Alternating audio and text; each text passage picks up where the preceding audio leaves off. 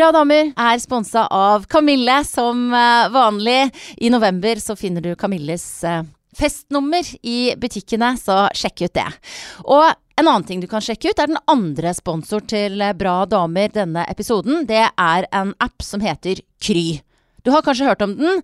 Her kan du kjempeenkelt få kontakt med en dyktig lege som kan eh, hjelpe deg via videosamtale på eh, telefonen din. Og det kan jo gjerne være at du har et utslett som klør, en hals som du er litt usikker på, kanskje er det barnet ditt som gjør deg bitte lite grann bekymra, og da er jo denne venn i nøden, som man kan kalle det. Dyktige leger som kan hjelpe deg å finne ut eh, hva som er best å gjøre. Skrive resept til deg hvis du trenger det. Sjekk ut selv, og last ned appen Kry.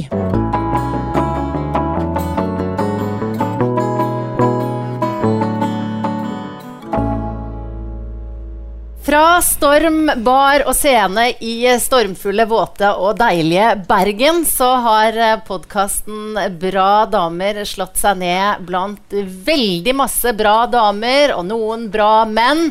Det er tett med folk eh, foran meg her jeg sitter. Jeg heter Guri Solberg, og dagens bra dame sitter også godt plassert ved min side. Mona Ibrahim Ahmed. Velkommen hit, Mona. Tusen takk. Du, jeg har invitert deg fordi du har akkurat skrevet en bok sammen med journalist og forfatter Hilde Sandvik. Mm. 'Brev til Noreg'. Mm. Du er også et kjent ansikt og en kjent stemme for mange både her i Bergen og utenfor fra sceneprosjektet Fargespill. Du er miljøterapeut. Du holder på med masse greier. Ja. Hvordan er livet ditt akkurat nå, Mona? Livet mitt er jeg har, jeg har det veldig travelt. Det, fra det ene og det andre. Og jeg trives veldig godt med en sånn hektisk hverdag. Så det er ja, veldig kjekt. Denne boka som em, kom for noen uker siden, den har gjort at du er i mange situasjoner som dette nå. Du har reist mye rundt og prata sammen med Hilde og blitt intervjua. Hvordan syns du det er å være i sånn type situasjon som ja, her på scenen her sammen med meg, f.eks.? Jeg synes det er veldig viktig. Jeg er veldig glad for å være her, for å begynne. Kjempeglad. Hørt på dine podkast i fle flere ganger. Både på jobben med ungdommene og privat. Og å være i sånn situasjon i det siste, jeg syns det er veldig viktig å eh, snakke med folk, og at folk får vite på hva som skjer. Hvordan er de sakene, hva, hva man gjør. Hvordan er man helt fortvilet og bare står og venter så lenge. Men igjen at det skjer veldig mye bra i livet til menneskene mens de venter òg. Man er mye mer enn bare et avslag eller en sak eller Ja. Det er det jeg prøvde i hvert fall så godt jeg kunne å si i denne boken. da. Mm. Og denne boka er jo da et svar på et brev du fikk av Norge, hvor det sto at du ikke fikk opphold her. Og det var etter at du har bodd her i I ti år. Mm. Kan du si noe om den følelsen du fikk da det endelige avslaget kom? Ja, det var liksom Det var Det var ikke noe man kan akseptere det. Til dagen i dag så prøver jeg mange måter å leve med det, men også, som jeg sa det tidligere til deg, det er mange som sier 'Å, du er kjempeflink, du, liksom, du holder ut', men det er ikke greit. Det altså, det er ikke Det er verken rettferdig å bli behandlet på den måten og bare vente på noe som er så usikker. Blir man her? Er man eh, Blir man utvist av Norge? Hva er det som skjer egentlig? Og det er mange som lurer på hvordan disse sakene er. Men jeg har sjøl rett og slett ingen svar på mange av det folk spør om. Mm. Så det er nettopp det at du ikke vet, som preger hverdagen din? Ja. Mm. Hvordan er det? Det er Jeg syns det, det er forferdelig. Det er Jeg bruker det ordet veldig mye, men det er umenneskelig å bare sitte og vente på hva som skjer i en måned, i en uke, om et år. Hva, hva Lovendringen. Og bare følge med hva som skjer. Jeg syns det er ikke greit å leve på den måten. Man skal få vite det. Mm. Ja. Den usikkerheten og det avslaget, og, den, og jeg deler også din sånn det, sånn skal det ikke være. Mm. Men før jeg leste boka di, så, så Altså, jeg ble overrasket over hvor mye humor og glede det også Mm. er i boka. Så jeg skal ikke liksom bare gå rett på sånn Hvordan har du det egentlig? Men for, for du er en person, alle som er her, og som har møtt deg, eh, vet at du er en person som sprer veldig mye glede bare ved vesenet ditt. Den humoren du har, Mona, hvor Mm. er det den kommer fra? Den kommer fra Altså, jeg er jo Det er jo min personlighet, da. Jeg, eh, jeg prøver å være så morsom som mulig for å ha det kjekt med de andre. Og jeg, jeg syns det er veldig viktig for meg å være, å være glad og le. Jeg ler veldig mye på jobben min med ungdommene, og jeg syns det er en av de viktigste tingene i livet mitt. Å, å ha det kjekt og le. Mm. Du jobber som miljøterapeut. Ja. Hva er den eh, vanskeligste utfordringen på den jobben? Det vanskeligste, det er å Det er å igjen være med de ungdommene og ikke ha svar på livet. For de lurer på masse, de òg. Alt som skjer med de. Å være, å være den personen som gir råd, og være den personen som er der for de, men å igjen ikke ha fasiten på livet. Men man prøver så godt man kan. Jeg prøver i hvert fall så godt jeg kan å være med de i den reisen de Mm. går gjennom. Mm. Er dette ungdommer som har um, tilsvarende bakgrunn som deg? Ja, de fleste har det. Mm. Mm. Hva er det du sier da, når de spør og du ikke har fasitsvar? Hvilke råd gir du til dem? Jeg sier ofte at de, de kommer til å finne det ut etter hvert. Selv om det er liksom igjen noen som de syns er veldig rart å blir, bli frustrert. Men jeg prøver å, så godt jeg kan å ta eksempel i meg sjøl at det, det har vært vanskelig for meg å finne ut av masse ting, men man gjør jo det. Man har vært ungdom, man har vært 16 og 14 en gang. Så, så ruller det og går, så finner man ut mye. Mm. Mona, du eh, er Du er et, altså du er fra Somalia, men du har aldri vært i Somalia. Du er født av somaliske foreldre Mm. eh, i Etiopia. Det er der Ja. du bodde før du kom hit til Norge. Mm. Um, og så kom du hit da du var 16 år. Ja. Fortell hva du husker fra ditt møte med, med Norge og Bergen. Det første, jeg, jeg skrev i boken min at jeg var veldig skuffet med mitt første møte med Norge. Det var jo det Altså, hvis jeg, tenk, hvis jeg tenkte jo på Når jeg bodde i Etiopia, så var det masse trær, og det var naturen tett liksom på husene, og det var fjell. og Jeg så det samme når jeg kom her. Jeg tenkte åh jeg tenkte på de store bygningene i USA, og det, det skulle vært kult. Men igjen, så jeg sier i boken, neste setning, at jeg var veldig fornøyd når jeg kom til busstasjonen. Da var det vel fin, fineste bygget jeg har sett i Bergen. Det var wow!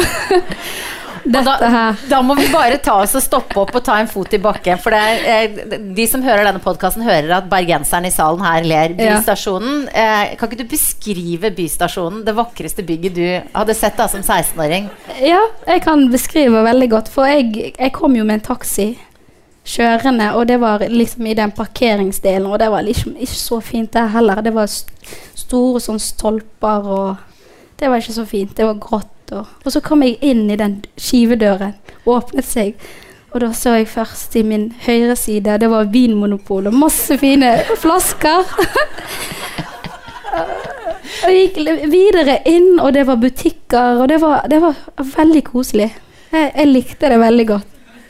Så jeg husker veldig godt jeg tok den uh, rulle, rulletrappen opp og ned for å bare nyte utsikten. det var veldig gøy. Og dette her er jo da altså en Mm. attraksjon, eh, et av eh, Bergens eh, kjøpesentre. Eh, Mm. Og busstasjonen, da, som var ditt første møte. Ja. Vakre møte. Mm. Mm. Mitt, eh, altså, det er jo veldig, det er veldig rart, for jeg jeg er jo vokst opp i liksom veldig konservativ Altså veldig mye islam, sant. Men jeg visste jo ikke så mye om Vinmonopolet. Jeg likte det i butikken med masse flasker. Jeg visste jo ikke om det var vin engang. Jeg tenkte åh, jeg må gå inn der og kjøpe det drikket der, altså. En gang. Jeg hadde ikke peiling, men jeg fikk vite etter hvert, og da var det oh, ok. Men så gikk jo veien videre da, ikke sant? Fra, Mm. fra bystasjonen og inn i norske skole, et uh, norsk liv. Hvordan, Mm. hvordan var den første tida for deg her i Bergen? Det var veldig hektisk. Det var Man skulle fra det ene og det andre, skulle lære mest mulig. Og, du skulle få med deg alt i, på en veldig, veldig kort tid.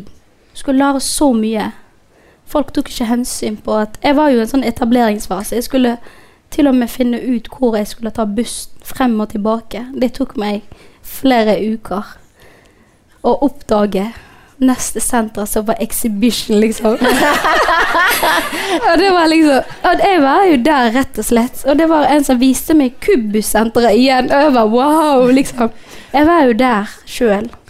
Selv om det er veldig morsomt, så var jeg på en veldig sånn etableringsfase. Jeg skulle etablere meg, jeg skulle finne ut masse. Jeg skulle hjelpe til og med mine foreldre som var ny i Norge. Selv om min far har bodd lenge i Bergen, så var han ganske ny, han òg. Vi skulle sammen prøve å finne butikker, vi kunne kjøpe mat og klær og disse tingene. Og det var, det var veldig hektisk. I tillegg så, så var det å lære seg norsk på ny, Nygård skole. sant? Og så skulle vi på mange kurser for å vite om Norge, om samfunnet, hvordan det fungerer. Det var Det gikk i ett, liksom. Hva var det rareste med Norge eh, som du var nødt til å lære deg? Det rareste, det var eh, det å lære om typisk norsk. Hva er typisk norsk? Og så noen som skal holde kurs om ting som er typisk norsk. Men så fant jeg ut etter hvert at det var ikke Det stemte ikke. Det er jo ikke typisk norsk. Det er mange som ikke liker brunost. Det, Var det det du lærte på ja, kurset? Det, ja, det å spise brunost i frokosten er jo typisk norsk, og nordmenn gjør det på den måten. Og sånn ost, ostehøvel og Og det var Altså, det var flere av mine venner som faktisk ikke likte brunost. Så da tenkte jeg Det er ikke Det er ikke helt sant. Men hva, hva tenker du nå, da? Som, altså, du, du har jo et, et blikk utenfra som mange av oss ikke har. Hva tenker du er typisk norsk? Typisk norsk er jo ikke noe fast, egentlig. Som jeg har lært i alle de årene. Det er ikke fast. Det er avhengig av personer du møter. Hvor de, hvor de kommer fra. Hva de er vant til. De trenger ikke å være eh, fra Somalia eller Etiopia, f.eks. Folk er fra forskjellige steder i Bergen. F.eks. de jeg jobber med, de har jo forskjellig kommer fra, Noen kommer fra bygd, noen kommer fra store byer. Folk er så forskjellige at eh, da, da føler jeg liksom typisk norsk. Det er ikke noen fasit på det. Det er en, til en av hver. Føler du deg eh, hjemme her i Bergen nå? Det gjør jeg faktisk. Mm. Føler meg ganske hjemme jeg Nå vet jeg alle steder. Og har etablert meg godt. Alle kjøpesentrene? Alle kjøpesentrene. Jeg har oversikt. ja. Jeg, jeg føler meg eh, Ja, jeg føler meg hjemme i, i Bergen. For jeg har hjemmet mitt i Bergen òg. Mm. Så det Og så har du eh, familien din i Bergen. Pappaen din som flytta før dere kom etter. Han var i Bergen en stund, og så eh, forteller du om i boka at uh, dere flytta hit da du da var 16. mm. Um, hvor, hvor mye er du sammen med familien din nå? Jeg er på besøk av og til hos mine foreldre og spiser Men det er liksom morsomt, da. For med en gang jeg går inn den døren til mine foreldre, så føles ikke det som å gå hjem til meg sjøl, f.eks. Det er to forskjellige hjem.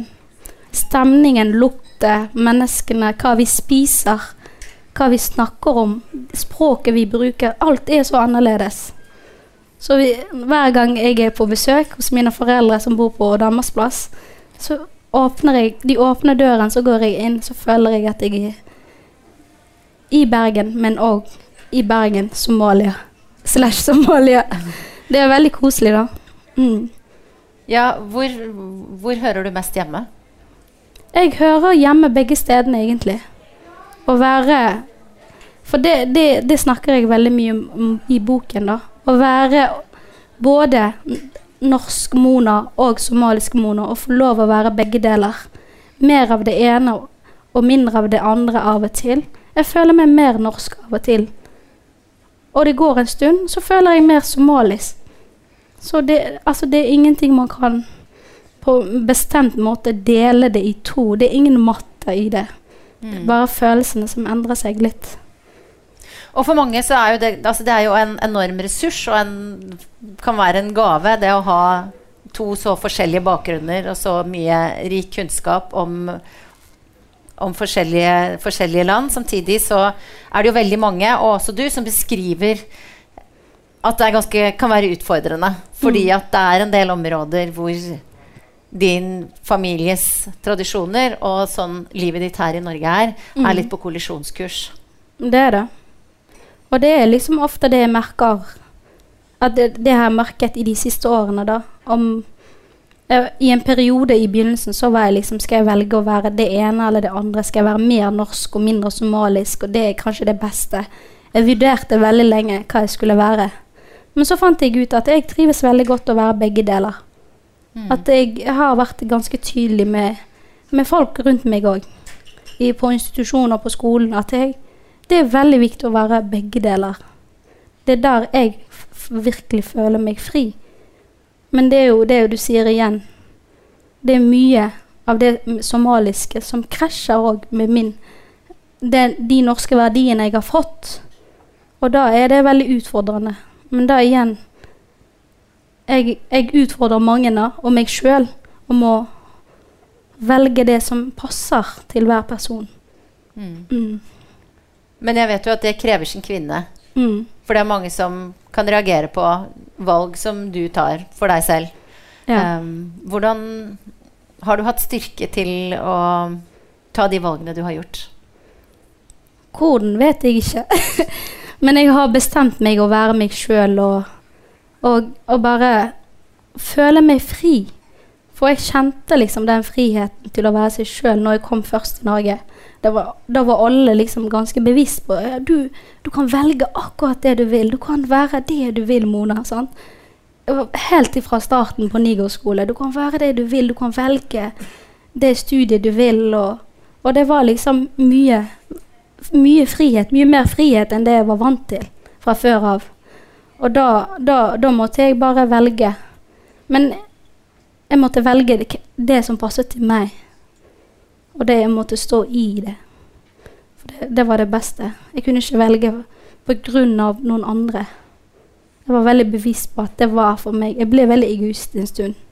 Det var liksom bare meg, meg, meg, meg. Men det er veldig bra òg.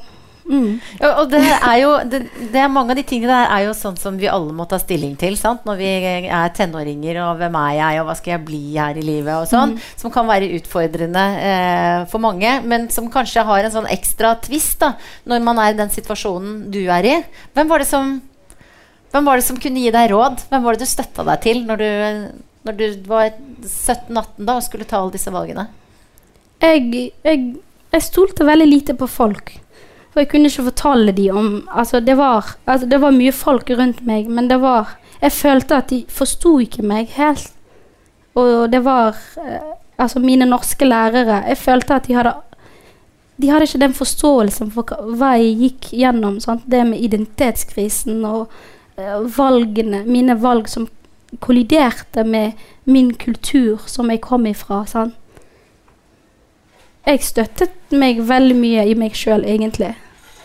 Jeg, jeg, jeg pleier å si det. Det er veldig egoistisk, det òg igjen. Men jeg, jeg har alltid vært mitt, mitt største støtte. Rett og slett. Det er jo en fantastisk egenskap. Mm. Ja.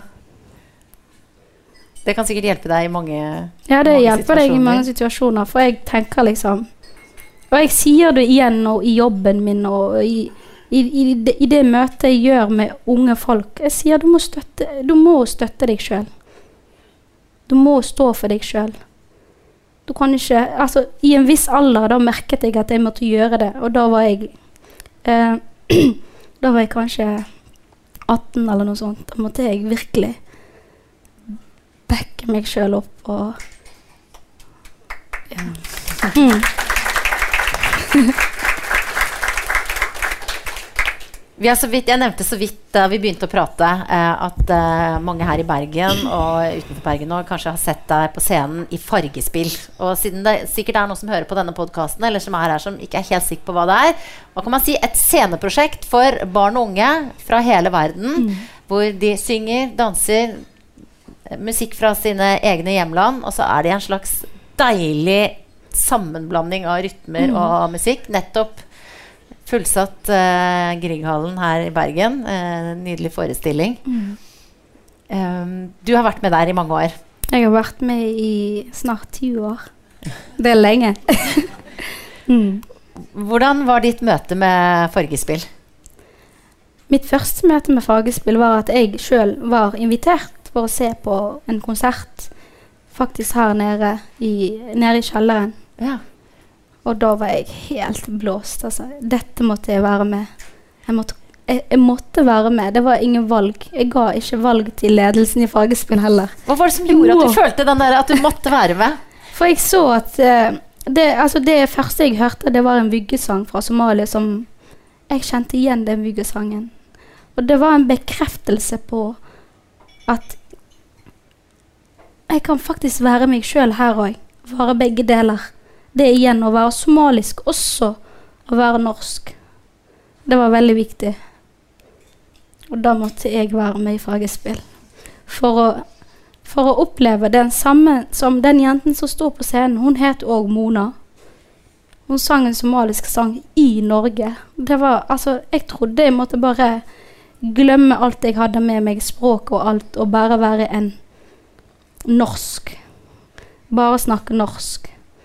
Bare være en del av det store samfunnet. Men det var en bekreftelse at man kunne være begge deler. Og det var veldig fint, og folk sto og klappet, og jeg sto og klappet og sluttet ikke å klappe. Jeg ristet nesten. Det, det var helt utrolig følelse. Mm.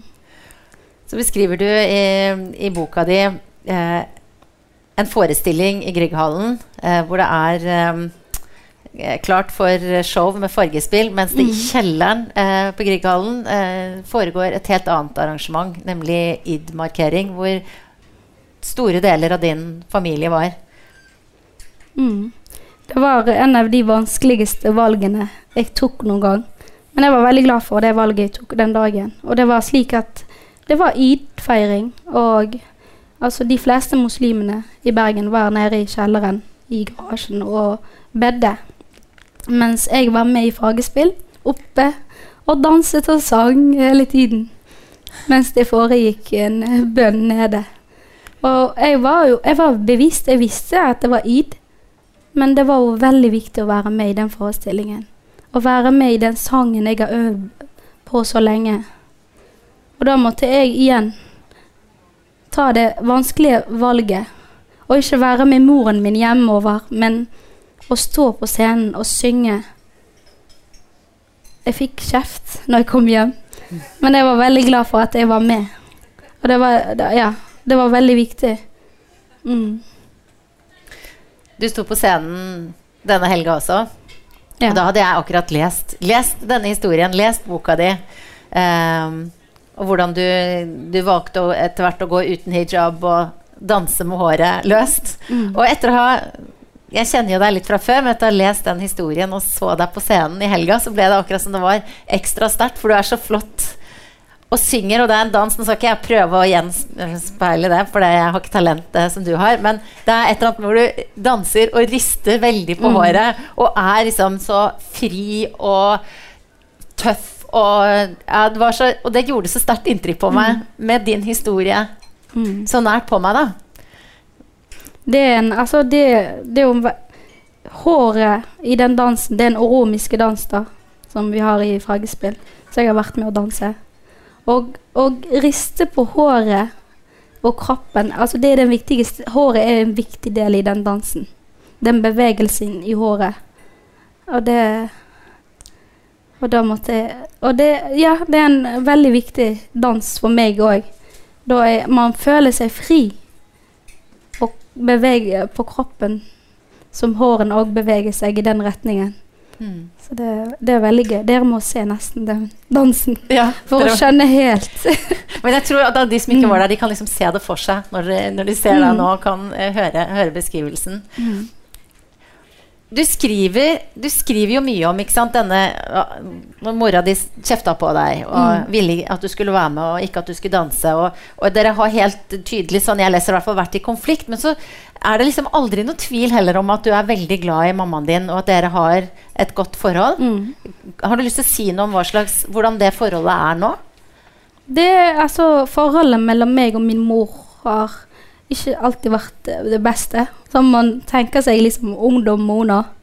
Men voksen Mona, så er det en ganske Det er helt ok egentlig nå. For altså, de verdiene min mor har hatt, og de verdiene jeg har hatt i mange år, har kollidert virkelig. Og det er noen som jeg har tenkt over mange år. Så jeg syns Jeg syns det er bare kjipt at det gikk denne veien.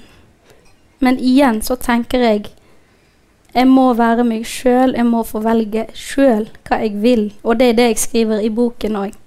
Det å være meg sjøl, det er det viktigste egentlig for meg. Selv om det kolliderer med min mor og mine foreldre. Jeg snakker veldig mye om min mor, jeg glemmer min far. Han er også der, men Det er noe med døtre og mødre. Ja, det er noe med døtre og mødre. I somalisk kultur mødrene har jo ganske mye å si. Men det meg og min mor vi har hatt, det er litt sånn tøff og utfordrende forhold. Men òg mye kjærlighet. Sånn. Og det er det mange misforstår. liksom, Oi, di- din mor er veldig slem mot deg. Det var noen som sa til meg en gang. tenkte jeg, ja, kanskje det er av kjærlighet. Du vet aldri. Mm. Mm. Men har du klart å holde fast på det gjennom den tøffe tida? For én ting er at du nå liksom er trygg i deg sjøl og ser at moren din gjorde det ut av kjærlighet. Men hvor lett har det vært å holde fast på det gjennom de litt sånn tøffe kranglene dere kanskje har hatt gjennom disse årene? Det har, altså, det har alltid ikke vært lett, men jeg har vært flink å trekke meg tilbake og tenke litt på situasjonen. Og så å være tydelig og klar på hva, hva som var for meg, og mine behov og min. Og være Mona, hva som var viktig for meg. Men at jeg måtte formidle igjen til henne hva som var viktig for meg. Uten å gå i detaljer, da. For det var Altså, det, det er veldig vanskelig for min mor å sette seg i den situasjonen. For hun har ikke opplevd Altså, hun har ikke opplevd å være ungdom her. Hun kom som en voksen dame, og så Men jeg tror Jeg har ikke vært tydelig nok mange ganger. Jeg har bare trukket meg for meg sjøl, men etter hvert så har vi prøvd å snakke om det. Det er ganske mye temaer vi tar opp, så vi har nettopp begynt å ta opp noen temaer. Og diskutere og snakke. Hvilke temaer da? Tema som å være fri og velge noen ting. Jeg har jo flyttet ut uh, når jeg var 20 år. Og da var, det, var, det var veldig vanskelig for min mor å, å liksom bare akseptere at en somalisk jente skulle bo i samme by som foreldrene, men for seg sjøl. Da var vi fortsatt ganske nye. Vi hadde vært et par år i Norge. Og da Det var veldig vanskelig for min mor å skjønne det, men jeg gjorde jo det for det om. Men etter hvert som jeg har bodd alene og for meg sjøl, så har vi snakket veldig mye om det. Og så har jeg eh, prøvd mange ganger å beskrive hvordan det er å være å bo alene, at jeg har mer tid til å lese til eksamen, det er ikke noen som bråker der. Og det er liksom Det er sånn tilnærmingen som jeg prøver liksom Prøver at henne til å forstå. Men hun kommer aldri til å forstå helt. Men litt. Det er det viktigste for meg. Mm. Mm. Jeg intervjua i denne podkasten eh, Sumaya Girde Ali, som eh, jo er flink til å heve røsten og si hva hun mener. Eh, samtidig så beskriver hun at hun på en måte aldri får lov å mene så mye som eh, vi som er heldige og, og har, eh, har vært vokst opp i dette landet helt fra vi var født. At man på en måte, eh, når man har eh, en bakgrunn som innvandrer, alltid må liksom gå rundt med sånn takknemlighet og ydmykhet i enhver situasjon. Nå siterer jeg henne litt sånn cirka, altså, så det er ikke, ja, jeg håper det var sånn ganske riktig. Men eh, hvor godt kjenner du deg igjen i det? Jeg eh, Jeg har liksom ikke hatt så store utfordringer med å ytre meg, da. Og si hva jeg mener og sånt. Men jeg har ikke vært eh, i, i debatter som Sumaya har vært. Så vi har ikke liksom vært i samme situasjonene. Men jeg tenker hvis man er her Det er det, det jeg, jeg syns det er veldig viktig å tenke på. Er du norsk, ikke er du norsk. Er du her, så skal det reglene og rettighetene skal gjelde for alle som er her. Det skal ikke være en for den ene og for det andre. Det er altså Det skal gjelde for alle. Mm. Mm. Men likevel så har du altså da fått dette brevet, som var utgangspunktet for brevet du nå har skrevet tilbake til Norge, um, med avslag. Mm. Hva er det som er grunnen til at du ikke får lov å bo i Norge og være en norsk statsborger på linje med oss andre? Grunnen er jo at uh, myndighetene tviler på min identitet, og at jeg må eh, legge frem flere dokumentasjoner, og noe som jeg aldri har hatt behov for for ti år siden når jeg kom hit. Og eh, bare den tvilen Jeg går jo på at de tviler på min identitet, at jeg ikke gir, oppgir riktig land. At jeg egentlig ikke er fra Somalia, men fra et annet land. Mm. Hvor tror de at du er fra, egentlig? De tror at jeg er mest sannsynlig med, det, med den måten jeg skriver på, så er jeg fra Djibouti, som er nabolandet til Somalia. Og derfor så har du ingen grunn til å være her. At da kan du Jeg har jo jeg, det, Ja, men det er det mange misforstår. Jeg har oppholdstillatelse. Jeg Mhm. bor her nå. Jeg har, endi, eh, altså, jeg har fått avklart at jeg kan beholde min oppholdstillatelse. Men jeg kommer Jeg har jo fått en endelig avslag på å søke statsborgerskapet. Så du kan være her, men ikke helt. Det er på en måte en litt sånn limbo-situasjon. Det er en skikkelig limbo-situasjon. Jeg kan være her, men jeg vet ikke hvor lenge. Jeg kan Altså, det står i det brevet jeg fikk eh, siste gangen jeg kan få bo her. Jeg kan gå på Altså Gå til sykehuset, til legen. På grunn av at jeg har en oppholdstillatelse. Men hvor lenge jeg kommer til å ha den, det, det vet jeg sjøl ikke. Så hvis dere spør, så vet jeg ikke. Mm. Og akkurat det, det at du ikke vet, det er jo en følelse som, som jeg tror egentlig mange av oss har vanskelig for å sette oss inn i. Fordi vi er heldige og har en liksom Mm. relativt forutsigbar hverdag, da. Hvordan Eller klarer du å beskrive den følelsen av uvisshet? Altså, det er jo ikke noen Altså, det er en forferdelig følelse, da. Å sitte og vente på hva som skjer nest. Det, det er veldig vanskelig å beskrive det helt, for jeg finner ikke noe ord til det. Det er en veldig vanskelig følelse, og jeg tenker liksom Ingen burde ha vært i den situasjonen. Det er ikke Ingen burde ha vært det, rett og slett. Man burde få vite helt ifra begynnelsen om man får bli her, eller man får bare bosette seg et annet sted. Hvor mye tenker du på fremtiden? Oh, jeg tenker veldig mye på fremtiden. jeg har mange planer, og det endrer seg veldig fort òg. Den ene dagen så har jeg disse planene, og så går det en uke, så blir jeg inspirert av en eller annen. Så har jeg nye drømmer. Jeg, jeg drømmer veldig mye. Og jeg husker veldig godt min far sa til meg Pleier å si det til mine venner, da. Det er gratis å drømme. Mm. Da han sa hvis du ikke kan drømme, begynn å lære deg å drømme nå. Så jeg har drømt siden den dagen min far sa til meg at det er gratis å drømme. Så begynte jeg å Ja. Jeg har mange drømmer, da. Hva drømte du om da? Da du begynte? Da jeg begynte å drømme, det var USA, selvfølgelig. Jeg skulle være i USA. Selvfølgelig. Drømmen begynte der. Selv om jeg visste ikke så mye om USA. Men det var så mange i Etiopia som var altså somaliske flyktninger som snakket så mye om USA, og det er så gøy der, og du får grønn kort, og livet er bare å spise mye hamburger og pommes frites. og Det var liksom Det var en, en drøm som var altså basert på egentlig hva andre fortalte, og hva andre sa om USA, da. Men akkurat nå så har jeg ikke lyst til å være i USA. Nei. Når jeg kom her òg, så hadde jeg ikke lyst. Jeg hadde ikke så lyst Etter jeg så busstasjonen, så var det Nei, dette går bra. Nærmeste du kommer Amerika. Ja, det nærmeste jeg kommer, det er busstasjonen. så jeg var ganske fornøyd, egentlig. Men eh, jeg hadde mange drømmer om å Altså, jeg drømte alltid å være meg sjøl.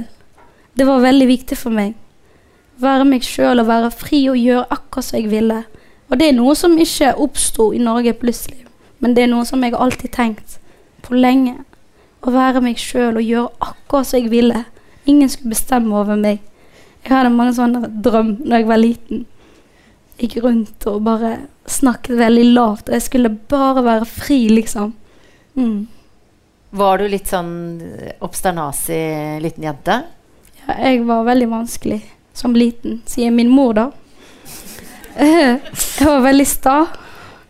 Og så gjorde jeg som jeg ville, og jeg var veldig klagete. Så, altså veldig sånn kverulerende hele tiden. Når hun sa en ting, så var jeg ikke enig alltid. Alt, jeg har alltid vært sånn. Det er kanskje den styrken Jeg tenker det altså når mine døtre er eh, stae og protesterer, så prøver jeg i hvert fall, langt der inne, å Mm. tenke at det er jo bra at de har den styrken, og den viljen kan de Mm. bruke til noe. Og det viser seg jo, eh, Mona, at din styrke og din Mm. stahet eh, har jo kanskje hjulpet deg en del, da. Mm. For jeg så, altså når jeg var liten, så så altså, Min mor var jo forbilde for meg. Og hun var veldig sta og gjorde som hun ville. Jeg hørte aldri på noen hva noen sa.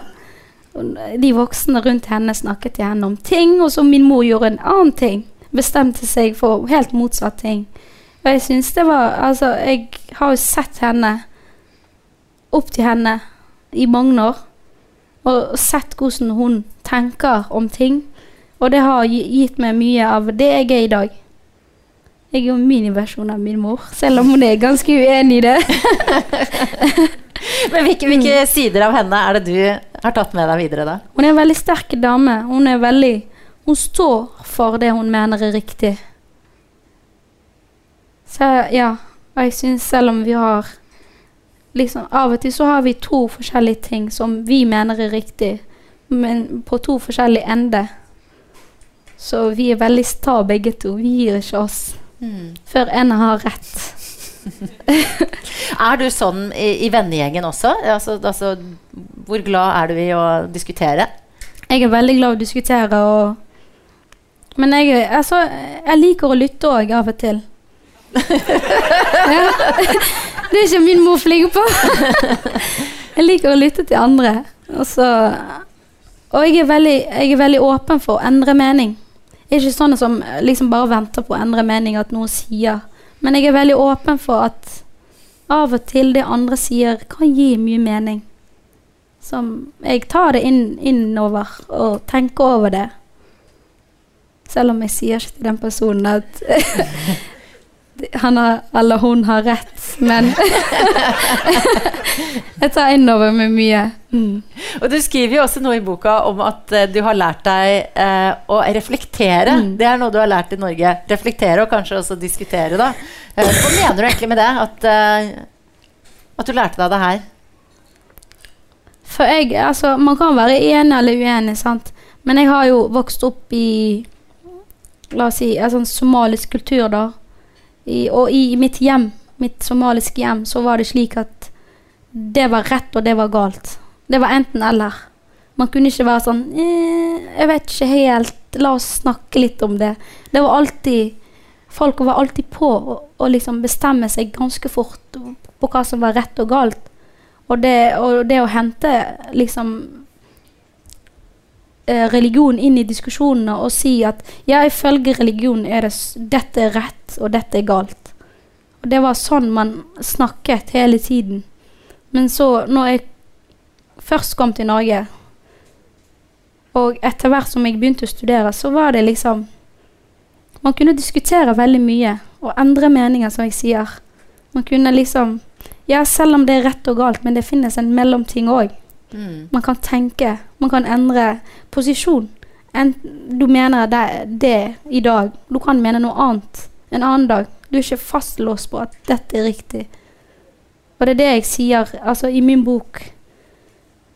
Da sier jeg da Jeg skriver At eh, i, i sommer så var jeg en del av eh, Jeg gikk i parade i Pride-uken i Bergen. Og det var det fineste jeg hadde noen gang vært med. For det var liksom Jeg husker når jeg var liten eller ungdom i Etiopia. Det var liksom Dette er rett, og dette er galt.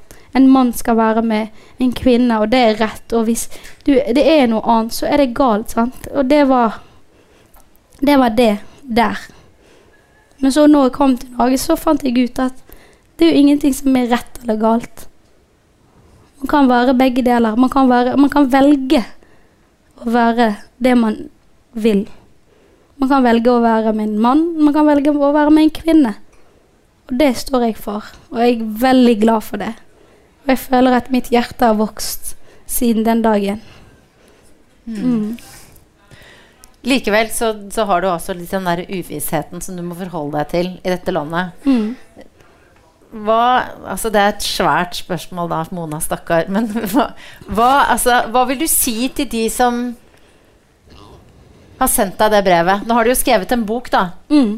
Men, men hva er det som må forandres for at folk skal slippe å havne i den situasjonen som du er i nå?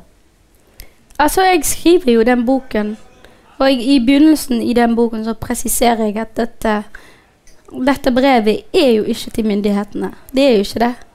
Det er ikke, det er ikke til UDI eller UNE eller politiet. Det, det er til verken det ene og det andre. Det er til folket.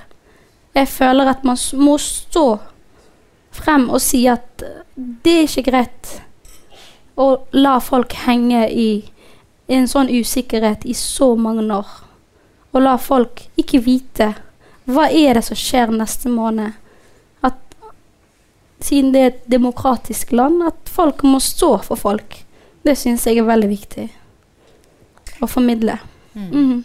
Og det er så bra at du sier det høyt og tydelig. Det er jeg Mm. veldig takknemlig for, Mona. Takk.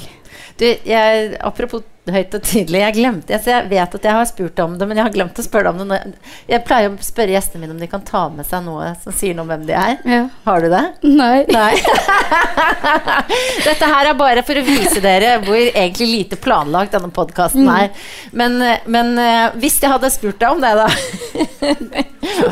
hva, hva, hva er det du tenker, hva ville du tatt med? Hva, hvilken ting er det som kan beskrive deg, Mona? Ja, for jeg tenkte litt sånn, jeg diskuterte i stad med noen òg.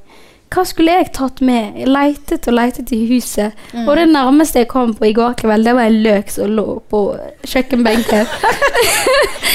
Så tenkte jeg det litt, eh, kanskje det er litt rart å ta med seg en løk.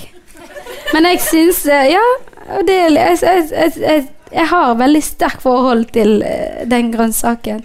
Og jeg, spiser jeg spiser løk hele tiden. I, altså, i Etiopia alt er basert på løk. Og i somaliske maten. Og det altså, syns jeg løk kunne vært en ting jeg kunne tatt med i dag. Men dessverre så har jeg ikke te- og så er det også en, en grønnsak med mange lag, da. mm. Du tar av lag til lag, og så begynner folk å grine. Mm. Det er jo en annen bieffekt. Kanskje jeg er den eh, Ja. Ja. Jeg, er- ja. Mm. Men løk er det nærmeste jeg kom på å ta med. Men heldigvis jeg tok ikke Jeg pleier jo også å stille alle mine gjester um, eh, tre sånne kjappe spørsmål. Ja. Eller det er ikke alltid det blir så kjapt heller, men det er liksom det eneste som er fast. Eh, det, og det ene er hva spiste du til frokost i dag? Jeg spiste, jeg spiste boller i dag til frokost. Det var veldig godt. Så deilig. Det er her igjen så bare Du har som motto å liksom være deg selv og være fri. Um, og det er som Pippi Langstrømpe spiser jo kake til frokost, for det hun kan. Um, hvor ofte spiser du boller til frokost? Jeg bør egentlig ikke spise så mye boller som jeg gjør. Men uh, jeg eh, Ja, veldig sjelden, skal jeg si. Ja. Hvor lang tid brukte du på å finne ut hva du skulle ha på deg i dag, Mona? Brukte ikke så mye tid, faktisk. Jeg, jeg vet cirka hva jeg skal ha på meg. Jeg Ja. Turkis genser, svart bukse. Veldig, Men hvor forfengelig vil du si du er? Forfengelig. Ja. Er du, er du jålete? Nei, egentlig ikke. Litt sånn. Nå liksom det det siste, siste spørsmålet er litt morsomt, fordi at kjæresten din sitter på første rad. Mm. Og jeg tror kanskje søsteren hans og moren hans gjør det, så det er veldig gøy. og de som ler nå, vet hva jeg skal spørre om. Når hadde du sex sist? Ja, det Eller skal jeg spørre svare på det. Tror vi hopper over det spørsmålet. Vi kan ta, ta det på bakrommet etterpå. I hvert fall. Da prøver jeg å sette øya i kjæresten din for å få han til å redde meg. Men det er ikke, det er ikke en sånn podkast jeg lager. Du, Mona.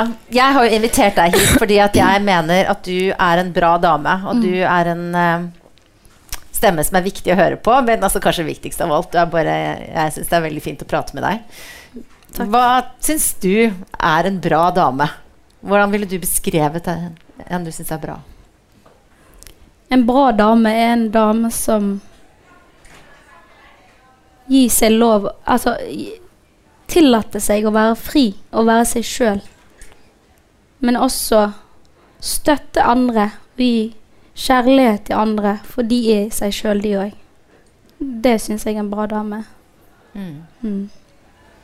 Det var fint. Tusen takk skal du ha, Mona, og takk for at du var med i podkasten min. Tusen takk. Do it.